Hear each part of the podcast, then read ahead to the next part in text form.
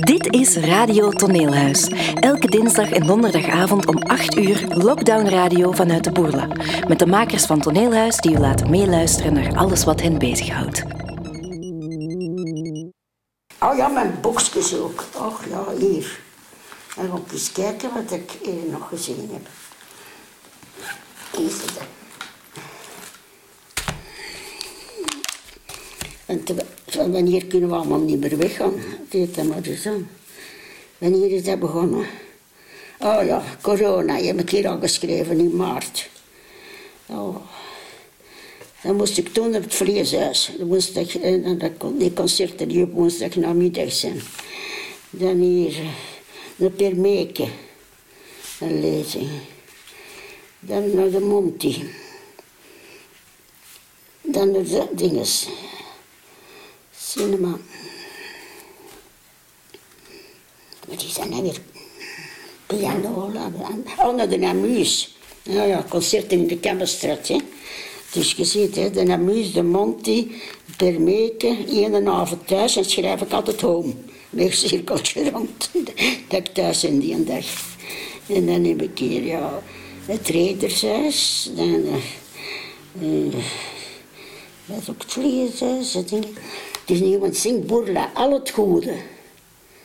Dat- Oké, is dat dan nog door? Ja, dat is nog doorgegaan, denk ik. Oh nee, dat is april. Is dat nog doorgegaan? Ik weet dat allemaal niet meer. Hier was corona, hè? Ja. Maar dat begon hier al, hè? Ja. Vrezen. Ja, hier was het al... Nee, februari, hier in het begin van eh, maart is corona begonnen, hè?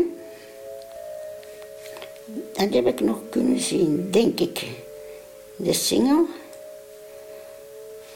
De single.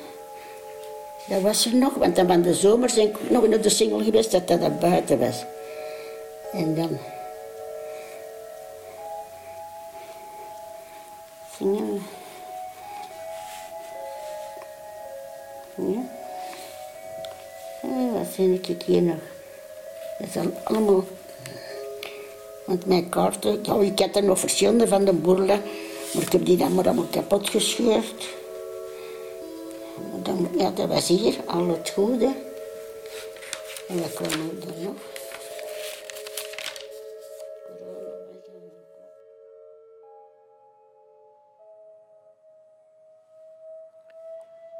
Stemmen van verlaten stoelen.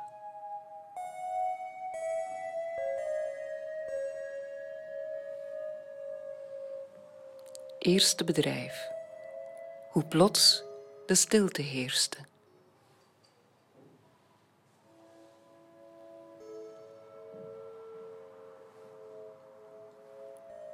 Wat dan roepen wij als er in alle talen wordt gezwegen?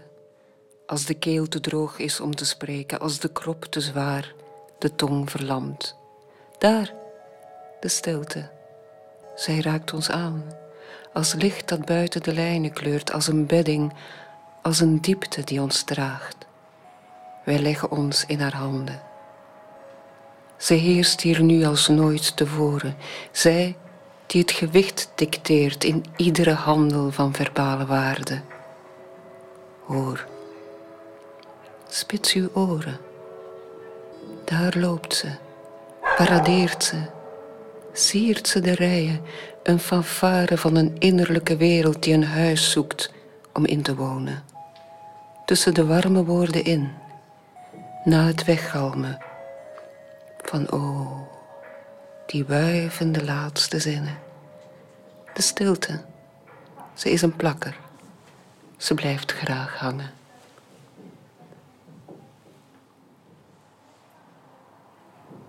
De stemmen op scène zijn verstomd en wij legden ons oor te luisteren bij de verhalen uit de zaal.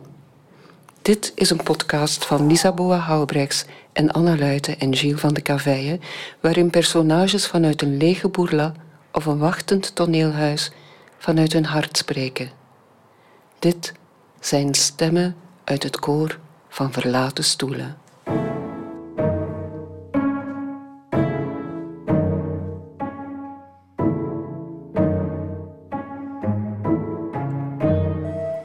Ik neem vocht op, geef vocht af. Op hete zomerdagen draag ik u. Op koude winterdagen omarm ik u. Wanneer u een vochtige handpalm afweegt aan mijn arm en uw oog een traan laat, absorbeer ik uw herinnering die vervloeit met mijn nek.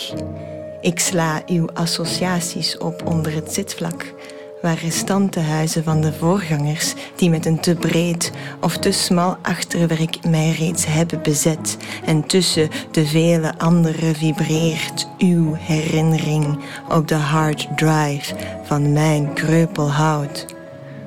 De geschiedenis van de Bourla is een geschiedenis van stoelen die u, uw ouders, uw grootouders, uw voorouders in zich hebben opgenomen. Ooit werd mijn vader uit zijn wortel van de parterre getrokken en vergroeit nu in de loge van het hoogste balkon met het gebinte van het dak. Zijn oude idealen die met de stemmen van vergane acteurs vanuit de diepte naar de hemel reikten, liggen nu op die zolder als gevallen sterren. Tussen verouderd materiaal, stof, gebroken props, beschimmeld brood, een oude kandelaar, een kruis, een Windows PowerPoint 95 naast de oude grammofoon, een gele regenjas en ook nog een eenzame vogel die er nog binnendrong, hupt langs de resten in de zolder opgeslagen en perst zijn witte stront op mijn vaders rode kop.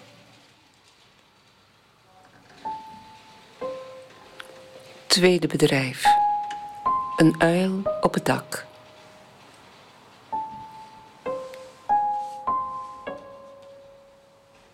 Te binnen en waar gaat het? Ja, de eerste keer dat ik daar kwam, in de boerla, dan was ik nog dus heel klein. Ik denk dat dat met mijn bomma was. Want die hadden dus ook nogal, die heeft mij dus uh, alle twee de bommas grootgebracht met belangstelling voor theater, voor lezen, voor, van alles zo wat dat te maken had met cultuur. En dan had ze gezegd, de bomma gaat eens mee. En we gaan eens naar een, een mooie, mooie zaal zien. En naar iets kijken. Maar ik kan mij echt niet meer herinneren hoe dat... Want dat is al lang geleden. Hè. Ik denk dat ik... Het was voor de oorlog nog, want dat heb ik toen opgeschreven. Want anders zou ik het ook niet meer weten. Um, zeven, acht jaar. Dus dat zal 1936, 37 geweest zijn.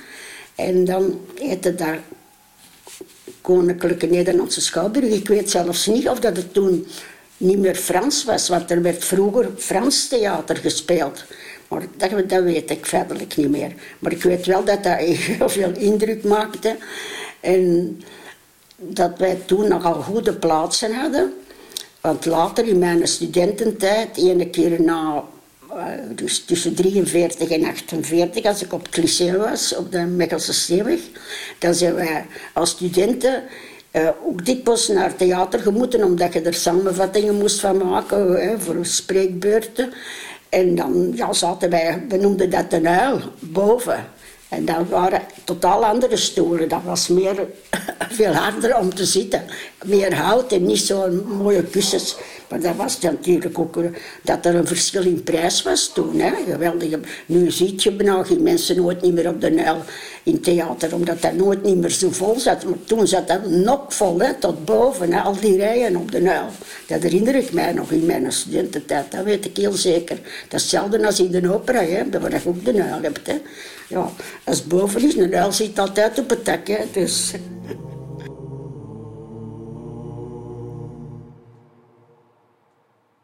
Oh.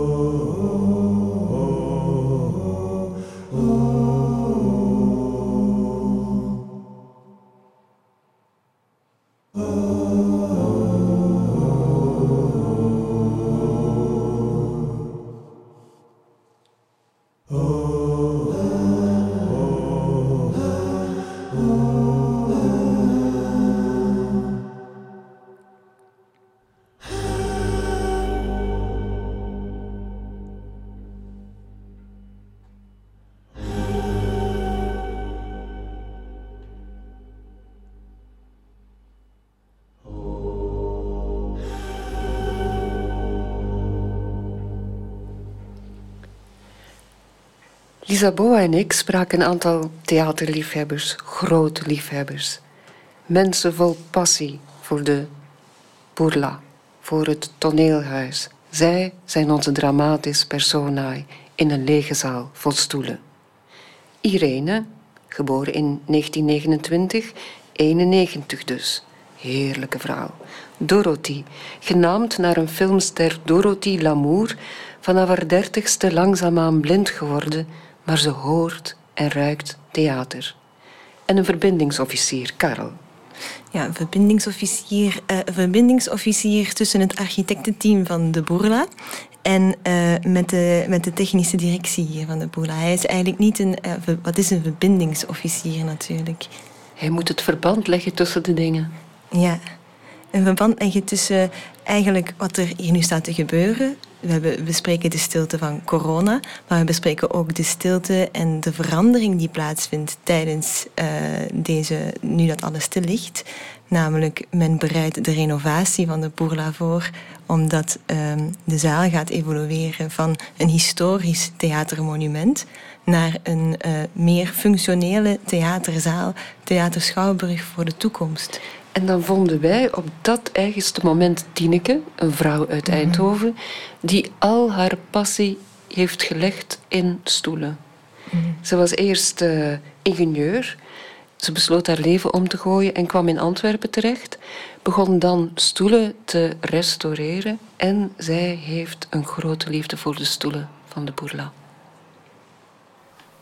Ja, ik vraag me altijd wel af wat heeft die stoel meegemaakt allemaal? Wie heeft er allemaal op gezeten? Wat is daarmee gebeurd? En blijkbaar heeft iemand uh, erop zitten wippen, want misschien was de voorstelling niet interessant. Maar voor de rest, ja, ik kan het niet goed opschrijven. Ik heb het straks nog gezegd tegen iemand. Als je in de bourgeois zit of in de opera, dan denk ik ook als ik volledig blind zou zijn, dat ik nog altijd zou weten dat ik bij jullie zit of dat ik in de opera zit. De sfeer van die zaal, het, het gewaad dat sterk gedempt is door de storen, de, alles is, veel is fluweel, de vloerbekleding nog in tapaten, dingen. De vorm van de zaal, die feitelijk akoestisch zeer mooi is, maar tegelijkertijd ook rond u, die zaal richt zich rond u. Hè? En dat is geen vierkante zaal, waar alles naar achter trekt. Nee, het gewaad van die zaal, dat, dat omhelst u als het ware. Hè? Ehm, de rode kleur van de theaterstoelen is eigenlijk een uh, erfenis uit, het, uh, uit de barokke interieurs van de theaters uit de 19e, uit de 19e eeuw. Uh, nu, het is interessant om te weten dat het oorspronkelijk theater van Pierre Bruno Bourma uit 1834 zag er heel anders uit. Het was een, een auditorium dat eigenlijk kleiner en rond van vorm was, met een veel intiemer karakter. Het was eigenlijk ook sober van kleur, wit, met hier en daar uh, wat rode en gouden accenten. Uh, architect Pieter heeft in 1865 het interieur helemaal verbouwd naar model van, van de Opera Garnier in Parijs, die toen uh, pas was opgeleverd. En het is toen een hoeveisgevormig theater uh, geworden, met een overdaad aan rode en gouden kleuren, zoals we het eigenlijk nu nog, uh, nog kennen. En de donkerrode fluwelen stoelen, die passen dus helemaal in dat interieur, refererend aan de Franse Louis XIV-stijl. Wij zeggen de ant, en ik doe dat zelf ook, ik zoek dus de rug van de stoel. Maar als we begrading hebben, dan weten die dat die onze ant dus op de rug van de stoel moeten leggen. En van dat moment is het oké. En je moet niet met veel dingen gaan proberen van eerst je ziet naar beneden te doen van met mij of andere mensen van die dan in die zitten beginnen proppen of duwen. Dat is echt niet nodig. Van het moment dat ons ant op die rugleuning uh, dan weten we van oké, hier is onze stoel, daar moeten we gaan zitten. En dan is het natuurlijk wel goed, als je vertrouwd bent met de zaal, dan weten dat het een klapstoeltje is. Voelt je ook aan de hè? dat je je zit nog naar beneden moet duwen. En anders, ja, dan voel je ook dat de zitten is, hè? want dan gaat er met je benen tegenstaan. Hè? Maar dat is feitelijk iets dat we van het moment dat ons, ons, ons hand op de leuning ligt, op de rugleuning, is dat iets dat we feitelijk volledig zelfstandig doen. Ik denk dat de ziel van de stoel zit in de rugleuning. Natuurlijk gecombineerd met de zitting, want anders heb je geen stoel. Maar ik denk op die overgang van de rugleuning naar de zitting.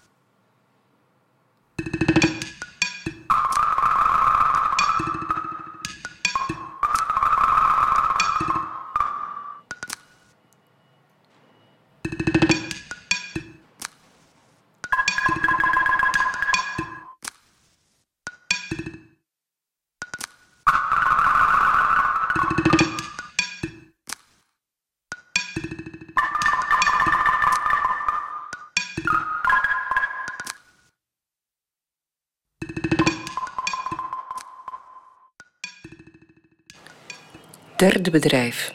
Het huis en het ritueel. De ziel zit in de rugleuning.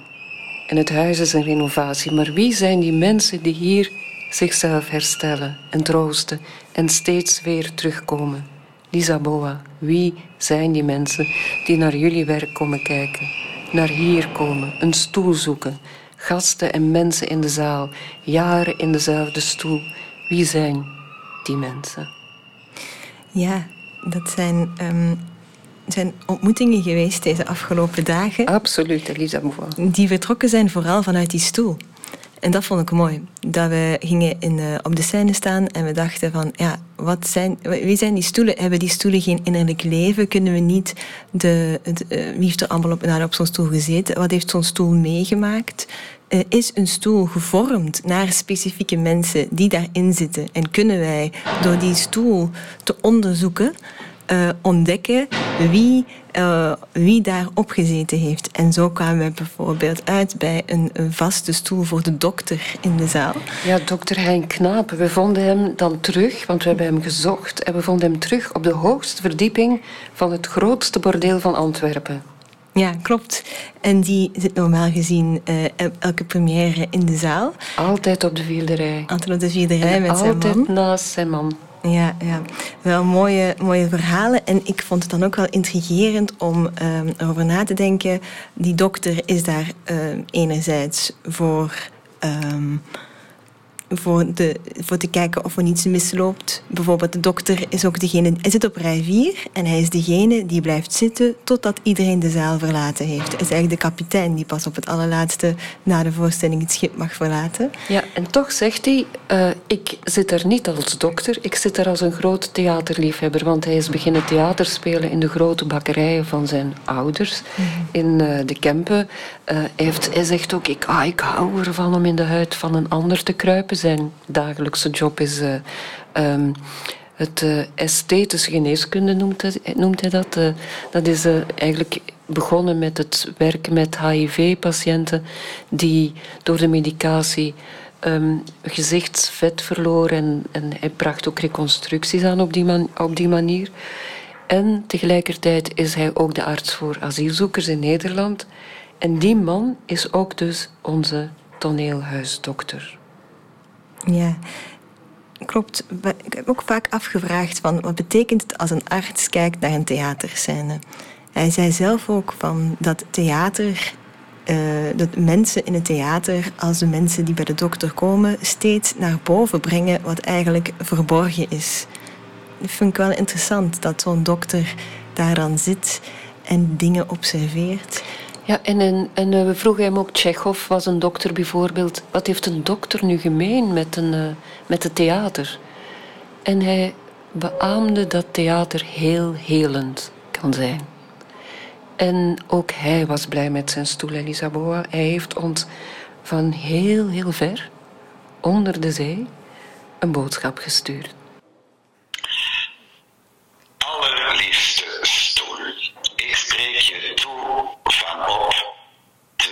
meter onder de zeespiegel. Het is hier fantastisch, maar bij jou was het ook fantastisch. En eigenlijk vind ik het heel erg dat je werkloos bent. Erg dat de stoel werkloos is. Maar Hein komt zeker terug. Dokter Knapen komt altijd terug. Hij is er voor iedereen van ons. En dan was er Mahmoud. Die hebben we ook gesproken. Een man die in het donker altijd voorbij het gebouw liep. Een man die uit Irak naar België is gekomen een aantal jaren geleden. En ook hij hield van zijn stoel.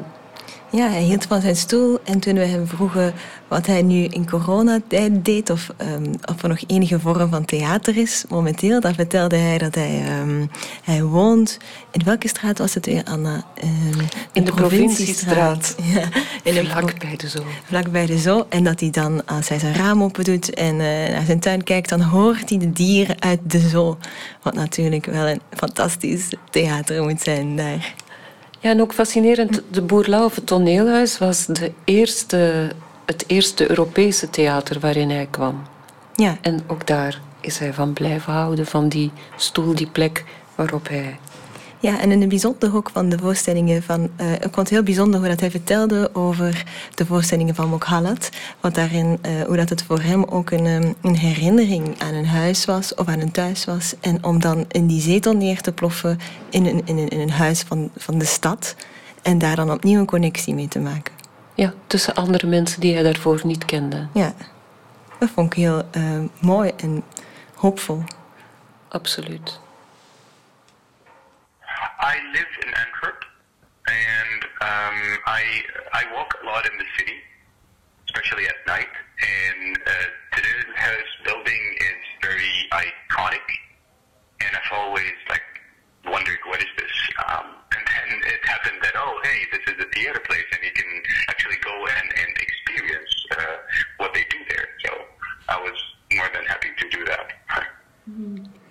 Ja, en dan om dat verhaal dan te horen, naast dan de eerste herinneringen van Irene, of Helena, Helena van Loo, die ook vertelde wat haar beleving was als zij de eerste keer die iconische uh, theaterschouwburg binnenkwam en een vergelijking maakte tussen een ervaring van voor de oorlog en van na de oorlog.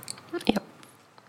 Als je binnenkwam, alvorens dat de voorstelling begon, dan was dat, uh, voor de oorlog werd een, gewoon, het, een, het Belgisch, uh, wij hadden toen al, hadden wij dat lied van de Gulden Spoor, en dat weet ik nu niet meer heel juist, maar ik weet toch altijd dat het begon met eerst een, ja, uh, het, ik heb ook, wacht wat, voor de oorlog denk ik dat dat gewoon het Belgisch volkslied was. Maar dan in de oorlog was dat dikwijls wel iets zo van Kempenland of zo. En dan was er ook wel een beetje zo wat een, uh, ja, een, een, Duits getint uh, uh, ja, lied.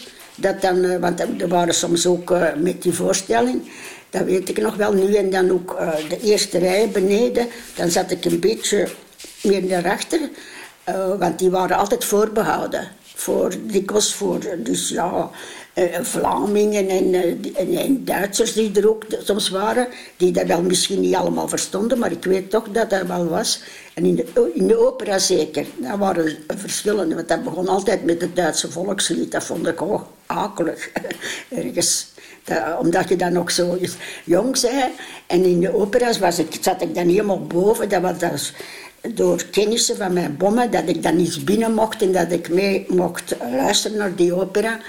Dus dan zat ik daar helemaal boven, zo op een hoek, tamelijk alleen. En dan, als dat dan begint zo, met ja, die Duitsers die recht staan en dan het Duitse volkslied en met die handen naar omhoog. Ja, dat, dat weet ik nog dat dat gebeurd is. Maar dat was dus meest in de opera.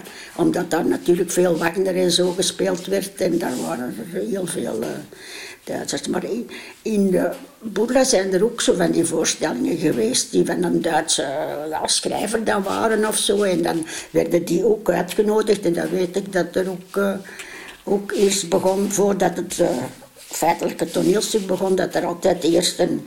Allee, een, een volkslied werd gespeeld. Maar dat hij nu altijd Duits was, of was, kan ook een Vlaams zijn, dat weet ik niet meer juist. Nee.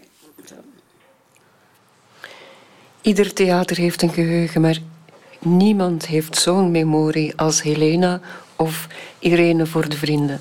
Ja, en ook, en ook wel een confronterende eh, herinnering, wat ook wel intrigerend is, om iemand te leren kennen die naar de Bola komt en die werkelijk die Tweede Wereldoorlog heeft meegemaakt hier, van binnenuit. Het is eigenlijk de eerste keer dat ik zo'n getuigenis hoorde vanuit de zaal. Ja, en die nu, haar, zoals in het begin zei, haar boerlakkaarten heeft moeten verscheuren door de corona. Ja, Maar ze komt graag hè, en ze kent hier iedereen. ja dat is zo. Ze heeft daar, een heel, ze heeft daar natuurlijk veel verhalen over, over hoe zij eigenlijk deel wordt van het vaste meubilair. Ja, en dat wordt ook, ook zo mooi in onze gesprekken, hoe dit huis, dit toneelhuis, echt een huis is waar mensen naar verlangen. Een nest. En dat ze ook een heel ritueel, zoals wij allemaal hebben, missen ook om nu naar hier te komen. Ik kom dus aan, ja, dan heb ik dus ik al een zware handtas bij. Hè, want het moet natuurlijk, als je van Braschaat komt, moet dat eerst met de bus en zo. En als je wat ouder bent, heb je veel dorst zo, moet wel eens een flesje water zitten in. En bolletjes, die kan ik er nu moeilijk in steken. Dus, eh, en dan kom ik aan en dan eh, zie ik eerst of dat er dus, eh, nu dat, dat je in de hal, bij manier van spreken ervoor, is, je iets drinken, hè, is er een, café. En dan probeer ik altijd te zitten. Dus aan de tafel, zo dicht bij de, bij de bar waar dat ik mijn eh bolletje moet vragen. En dan eh, zet ik daar mijn, mijn zak op hè, en dan ga ik even naar binnen. Dan zeg ik tegen die meneer, eh, ik kom direct terug, want ik kan even goeiedag zeggen aan Danielle of aan een van de andere dames die aan de kassa. En dan soms, als ik mijn kaarten nog moet hebben of zo, dan, ja, dan moet ik wel even wachten. Want het gebeurt dat ik eh, de kaart nog niet heb. Dat ik dus eh, wel besteld heb, maar dat ik geen tijd heb gehad of dat er niet van gekomen is om ze af te halen. En dan eh, ja, heb ik natuurlijk iets bij. Dat, dat doen. Zeg niet elke keer, dat zeg ik niet, maar zo om de drie, vier keren vind ik dan wel dat ik zo een bolletje of een pralineke of zo, het een of ander, of een koekje. Dat vind ik plezant. Iets dat verpakt is, hè, dat ze dan even kan wegzetten. Zo, ehm, en dan ga ik terug eh, naar voren en dan ga ik mijn bolletje uitdrinken. En dan, als het gedaan is, eh, de voorstelling afgelopen is, dat hangt er dan vanaf, is het nog eh, een periode, september, oktober of eh, in de lente, april, mei. In juni, dan drink ik nadien ook nog wel eens iets, maar anders dan ga ik gewoon door, want het is dan nog weer helemaal naar Braschaat. Hè. Eerst nog de tram en dan nog een stukje met de auto. Dus eh, dan is het altijd al laat. En tegenwoordig moeten we oppassen. En mocht je dan geen bolletje gedronken hebben, dan moest je eens controle hebben. Dus, U, u zei een dat tijdens de, tijdens de oorlog, als u dan naar, de voor, naar een voorstelling ging, dat er dan het volkslied werd afgespeeld. oh, Kun je dat nog eens zeggen en, hoe dat dan... Dan, hoe dat dan... Al die verhalen van Helena, Irene. En al die kennis die zij heeft. En al die liefde voor het woord en voor talen. En, de laat, en al die voorstellingen die ze ziet. De laatste die ze heeft gezien was eh Theresias, geloof ik. Ehm, Antigone. En overal. Ze heeft echt generaties acteurs zien opgroeien. En ze blijft ervan houden. Ze kan het zelfs nog debiteren. Ze heeft en draagt in al die herinneringen die ze nu mee naar huis zit, waarin ze alleen thuis zit, nog fragmenten van voorstellingen mee. De jongen in haar is soms sterk, snakt naar een meisjeslijf om te voelen. Het meisje in haar vol van woede smacht naar de dingen die ze haat. Orkanen en eeuwenoud vuur, plotse vorst, vereist woestijnen, regen slaat kraters in beton. Deze gast lost het wel op. Theresias was zowel vrouw als man, dus vraag het hem wie meer geniet. Een vrouw dan wel een man. Maar ik hou van jou. Ik ga niet weg.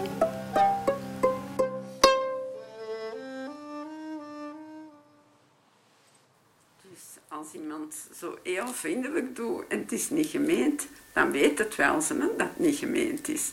Daar wat dat iemand feitelijk eh, met zijn gezicht dat kun je in de prooi trekken, hè? dat is geen probleem. Hè?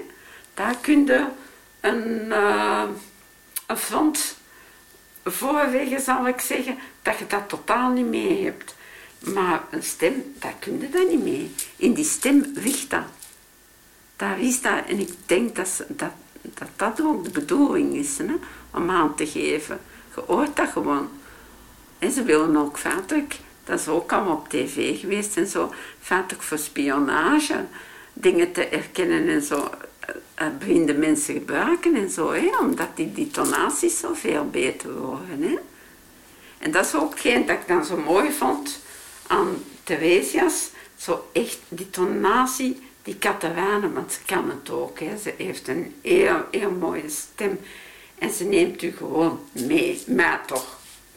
Ik hoor sommige anderen, dat geldt niet voor iedereen, dat dat niet goed vonden, die het eerste stuk veel beter vonden. Maar ik heb gewoon genoten van Catalanen, echt. Maar ik zeg het, mijn grootste respect draagt vader Apke Aringen weg.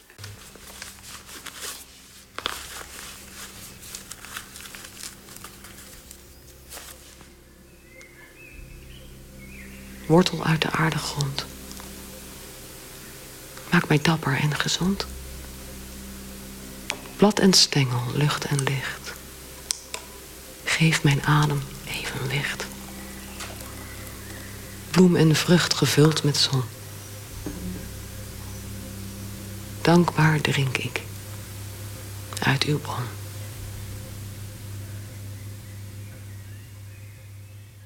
Als ik dan binnenkom, dan geef ik mij eenmaal over en dan zit ik, ja, die stoelen zitten goed. En dus dan, ja, dan geniet ik daarvan zo echt. Hè. Ik, ik, allee, ik realiseer mij niet meer dat ik zo helemaal omgeven ben door mensen. Dan ben ik helemaal weg over het.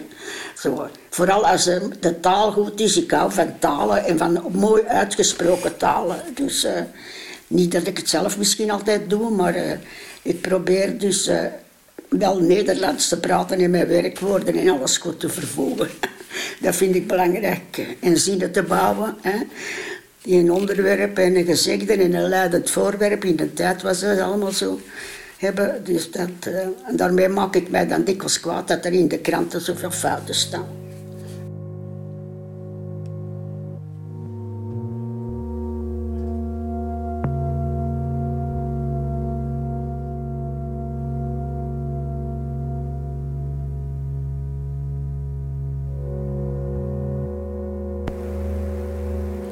Vierde bedrijf. Leven na de dood.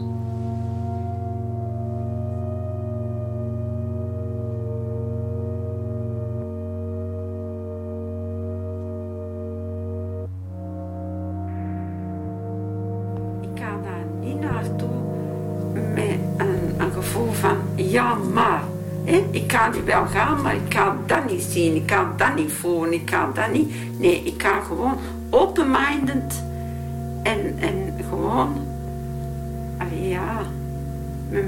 en met met mijn hart en mijn ziel open om te genieten van die avond. Van, de, van de stoel, van de zaal, van de acteurs, van het stuk. En ook van de vriendschap van de mensen van het toneel zelf. Want Maya uh, Priscilla, de mensen die onze AD vroegen, Nina, Nina Viviers, ik weet niet, kent je dat? Is nu de prof, hè? Dat is, werkt ook nog heel, heel erg, weet is dat uh, beroep, hè, audiodescriptie. En allee, als dan achteraf die mensen, dan komen die vragen van, heb je ervan genoten, heb je er iets aan gehad, heb je dingen, dat is zo een aard een menselijke en warme uitwisseling, dat feitelijk, ja, altijd, ik ga je altijd content buiten, ik kan dat niet anders zeggen. Ik ben altijd blij, zo. Uh, we hebben er aft voor gewerkt, hè. zo toneel waar zelf, bij zelf, om echt uh, blinden en slechtziende mensen terug te motiveren van te zeggen, kijk, ik zeg het altijd zo. En dat is niet specifiek voor jullie, maar dat is voor alles zo wat we doen. Er is nog leven na de dood, zeg ik altijd. Ik denk dat niemand niet blind of zwaar slechtziende wordt zonder slag of stoot. Dat is iets, dat is heel ingrijpend, ingrijpend in uw leven. Je vriest je werk, je vriest. Ik heb mijn partner erdoor verloren. Het was mijn eerste vriendje, vijf jaar kennis, 18 jaar getrouwd. Uh, allee, ineens, ik zeg altijd, uw leven dat is een stoel met vier poten en drie van de vier poten, uw gezondheid, hè, op dat moment. Maar dat ging gepaard met, veel ziek zijn ook. Dus ineens zijn de drie poten van onder uw stoel weg. En op één poot is het moeilijk zitten, hè? Zowel in de zetel als in de stoel. En dan heb je zoveel jaar nodig. Ja, als het, het, stuk gedaan is en ik dan buiten ga en het is mij heel boeiend geweest, dan uh, zie ik zo die personages heel de tijd nog voor mij. En als ik dan op de bus zit, dan speel ik dan, wordt dat precies voor mij nog even gespeeld zo terug. Zo, en dan kijk ik, dan denk ik, nou, oh, dat is goed gedaan, ja. Ja, dat is juist of zo. want soms komen er zo van die scènes die, die zich ook in het werkelijke leven uh, kunnen voordoen. En dan, uh, als je dat dan brengt zoals het, zo echt het leven uitstraalt, ja, dan, uh, dan, blijft dat dus, dan blijft dat u bij. Dus precies dan met die acteurs aan praten. Zo, dan, ja, dat, heb ik wel. Dat, dat dat zit in die zin dat ik ze hoor praten en dat ik dus de persoon voor mij zie. De scène, hè, op de scène zie ik dan voor mij terwijl ik in de bus zit en dan, dan lees ik niet. Dan, dan denk ik daaraan. En dan ja, het gaat met een goed gevoel kom je dan thuis en dan... Uh, misschien dat ik er s'nachts ook wel eens van droom dan, maar dat weet ik zelf niet. dus, uh, dat weet ik niet. En wij maken intussen van de stilte in het theater wel gebruik om daar hard aan door te werken. Om dat theater, als, als, als ervaring en belevingsplek nog, nog, nog mooier en groter te maken. Als we het allemaal terug kunnen, kunnen gaan. En moeten die arme stoelen die er nu staan op de parterre bang zijn dat ze zullen op de schroothoop terechtkomen? Nee, ik denk dat ze zeker niet op de schroothoop gaan terechtkomen, maar ze passen niet in de Boerla Schouwburg. Dus ik denk dat ze heel goed op een andere plek uh, zullen kunnen gebruikt worden. En dat past ook wel een beetje in het uh, duurzame, uh, achterliggende karakter van de, van de renovatie.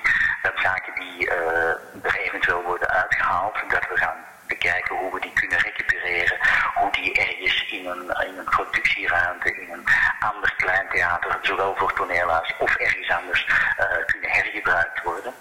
Uh, maar de stoelen op de parterre, die, uh, ja, ze, ze, sluiten niet goed aan bij wat eigenlijk de boerla is. Maar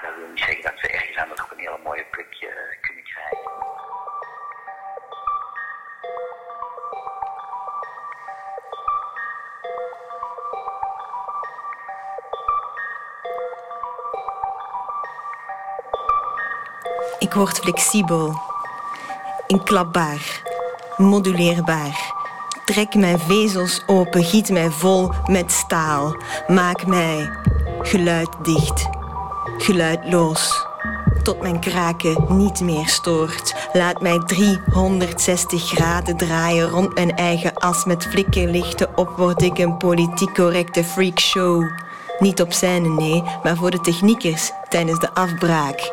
Ik doe geen mens kwaad. Ik ben volledig voor jullie inzetbaar. Ik ben beschikbaar voor elk stoelscenario, elke tribuneconfiguratie, elke platformlift. Breng mij naar 2.0, 3.0, 4.0, 5.0. 6.0 7.0 8.0 tot ik tolle ga, tot mijn hart overslaat, tot de mechaniek haperen gaat in die veer, in die veer van 1876 die nog altijd in mijn lijf schuil gaat. Ik ben de zetel die op updaten staat en verder surft op de golven van een crash tot een schietstoel die u schieten laat in een heelal waar ik gewichtloos in alle mogelijke banen draai. Vijfde bedrijf. Zee. Ah, ik ga zeggen rievenstoel, niet beste stoel. Ik ga beginnen met rievenstoel. hè. Zo dikwijls heb ik genoten van uw comfort, van hetgeen dat jij mij te bieden had gedurende al die uren, dat ik op die manier eh, kon genieten van het theaterstuk. En ik hoop uit de grond van mijn hart van u heel vlug terug te mogen zien en van mij heel te mogen nestelen tussen de armen en op die manier terug allee, het leven te kunnen herpakken dat we op dat moment zo gewoon vonden en vonden dat het ons toekwam, terwijl dat je nu pas weet wat dat we missen. hè? Want het is een groot gemis. Een dankwoord voor mijn stoel zou zijn dat die mij altijd goed opgevangen heeft. Hè, in een zekere manier, soms de ene keer door hetgeen dat je meemaakt of dat je je druk hebt moeten haasten voor op tijd te zijn en dat je dan toch die stoel terugvindt, dat geeft mij altijd, dan, want op het moment dat je er dan in zit, dat geeft je kalmte, dat geeft je een goed gevoel en dan droomt je weg en dan zet je gebonden door hetgeen dat je ziet. Nee, die stoel vind ik altijd, eh, daar denk ik al ja, veel jaren aan terug. Hè. Nu dat je dan al in de negentig bent, eh, ja, dat eh, geeft u zo rustgevend. En langs de andere kant weet je, het is rustgevend, maar het is tegelijkertijd ontspannend. En je kunt alles zo op een aantal uren gewoon niet aan denken, niet mee bezig zijn en u laten boeien door een verhaal. En dat is eh, voor mij elke vorm, eh, zowel van cultuur als zang of eh, dans, hè, dat je helemaal mee je eigen laat glijden, bij manier van spreken, hè, in je hoofd en dat allemaal zo bekijkt, zo, totdat het afgelopen is. Hè. Soms één uur, soms anderhalf uur. Ik heb altijd graag dat het minstens anderhalf uur duurt. Tot twee uur zo. Dat vind ik boeiend. Anders moet er een pauze eens even zijn.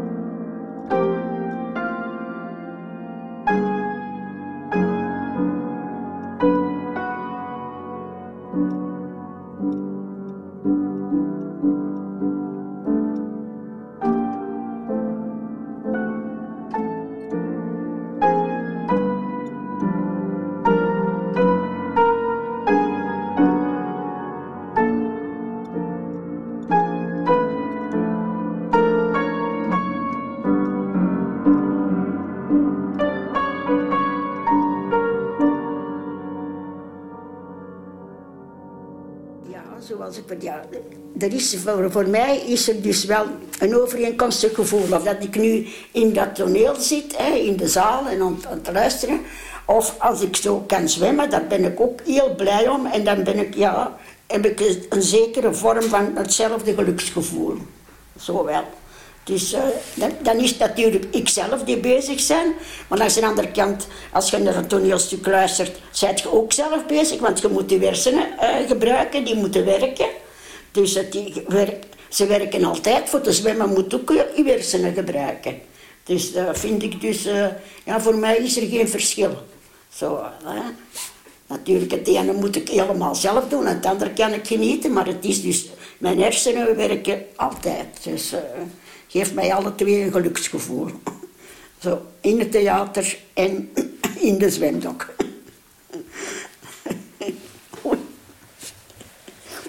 Heel mooi. Heel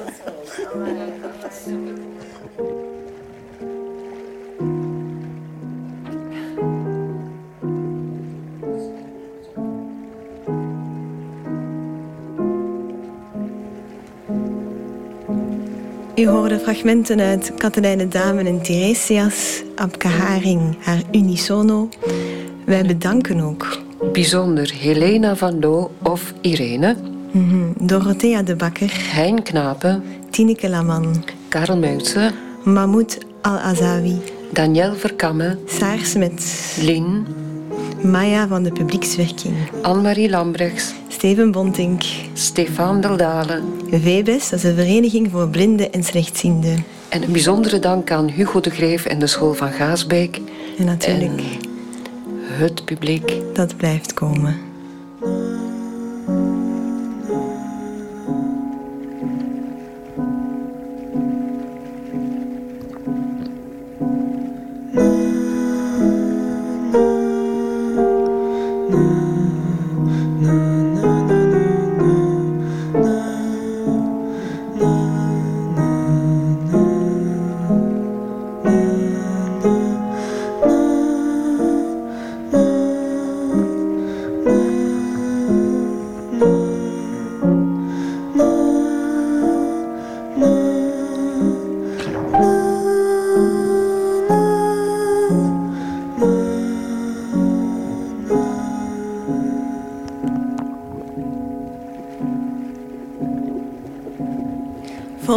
aflevering Hanna de Meijer hier op Radio Toneelhuis.